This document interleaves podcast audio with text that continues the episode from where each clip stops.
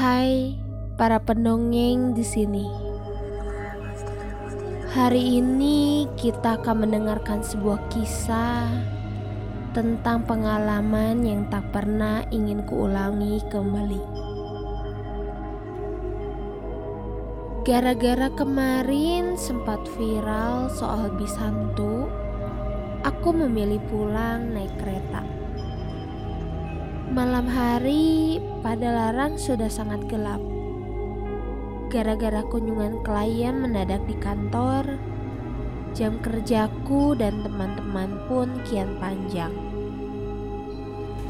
Kami harus menemani klien makan malam dan baru selesai sekarang pukul 10 malam lebih 10 menit. Naik apa? Tanya Eka temanku yang rumahnya dekat kantor. Ia cukup naik ojek online 15 menit untuk sampai ke tempat tinggalnya. Bis mungkin, KRD udah habis. Jawabku sambil mengingat-ingat bahwa kereta terakhir ke Kiara Condong, area tempat tinggalku sudah berangkat sejak tadi. Hati-hati ya, jangan sampai naik bis hantu. Ledek temanku. Aku cuma tertawa. Maka berpisahlah kami malam itu. Saya bermaksud bergegas ke halte terdekat untuk menuju pulang. Aku harap bis yang aku naiki nggak penuh-penuh amat. Biar rasanya lebih lega karena kepalaku sakit dan senut-senut. Dalam perjalananku di atas ojek menuju halte terdekat. Maklum, kantorku lokasinya agak terpencil. Aku melewati stasiun yang biasa aku masuki untuk naik KRD. Entah bagaimana, aku melihat lampu sorot kereta. Pikiranku langsung bekerja. Loh, masih ada kereta jalan ya?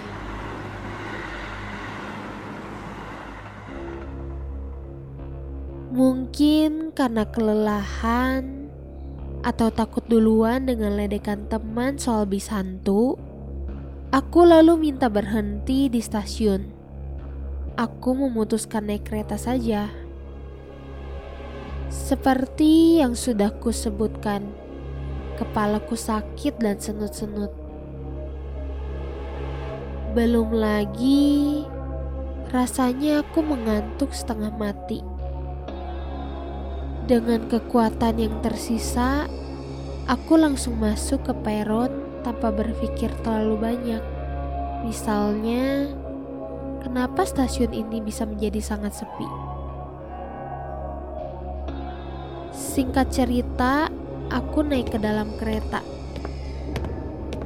Beruntung, harapanku terkabul. Penumpangnya tidak terlalu banyak dan aku bisa mendapat tempat duduk yang nyaman. Tentu saja ada yang aneh kalau boleh jujur. Penumpangnya memang tidak terlalu banyak. Tapi kereta ini sedikit kelewat sepi. Aku bahkan tidak mendengar mesin kereta bergerak dan tidak ada penumpang yang batuk-batuk.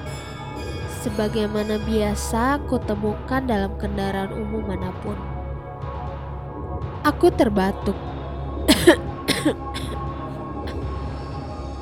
Sambil memperhatikan sekitar. Penumpang lain tidak ada yang merasa terganggu. Menoleh pun tidak. Semuanya duduk diam kecuali seorang bapak di hadapanku yang membaca koran dari tadi. Ia menggerakkan tangannya, membuka halaman selanjutnya dari koran yang dibentangkan di wajahnya. Aku melengos. Mungkin aku cuma kelewat sakit kepala sampai berpikiran yang tidak-tidak. Maksudku gak mungkin juga kan cerita semacam bis hantu yang disebutkan temanku tadi terjadi betulan di kereta. Tanpa terasa, perjalanan sudah mendekati stasiun tujuan.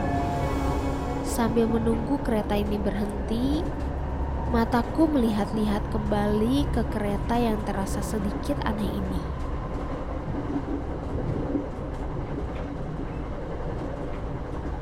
Sekilas, tidak ada yang berbeda dengan kereta yang biasa ku naiki tiap malam. Penumpangnya juga tidak berpakaian putih-putih semua seperti kisah soal bis hantu, kereta hantu, atau kendaraan umum apa pun yang pernah saya dengar sebelumnya.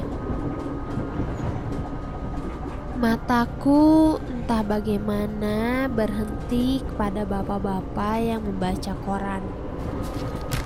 Wajahnya tertutup sepenuhnya oleh koran di hadapannya membuatku sulit menebak seperti apa wajah seorang laki-laki yang begitu tekunnya membaca koran.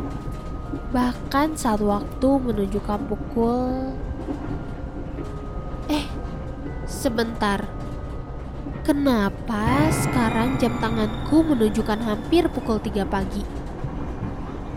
Di atas kereta, aku kaget setengah mati Perasaan aku nggak naik bis demi menghindari kisah bis hantu. Tapi kenapa perjalanan di atas kereta malah seabsurd ini? Kereta macam apa yang berangkat dari Padalarang ke Kiara Condong saja harus menempuh durasi nyaris empat setengah jam. Aku kembali melihat ke arah bapak berkoran. Kali ini Entah kenapa, mataku terkunci ke halaman utamanya. Di sebelah kanan atas, tanggal terbitnya jelas terpampang Senin 23 Maret 1987. Mendadak kakiku lemas. Jantungku berdebar-debar lebih cepat seakan-akan baru saja ketahuan mencuri dan akan dihajar habis-habisan. Aku sangat ketakutan dan ingin segera sampai tujuan. Beruntung, tidak ada hal yang mengerikan sampai akhirnya kereta berhenti.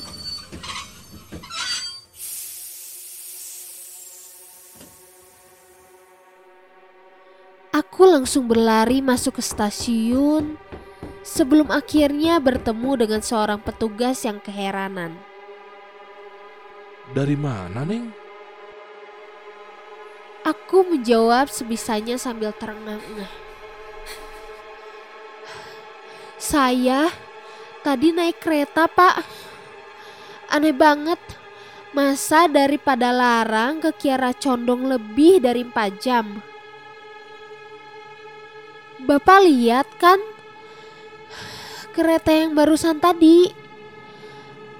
Tanyaku lagi setelah melihat raut wajah si petugas kian keheranan. Si petugas tidak langsung menjawab. Ia malah mempersilahkan aku untuk duduk dan memberi air mineral. Setelah agak tenang, ia baru berkata, saya justru heran. KRD terakhir sudah lama lewat. Neng tadi datang gak naik kereta. Malahan Neng jalan kaki di tengah rel.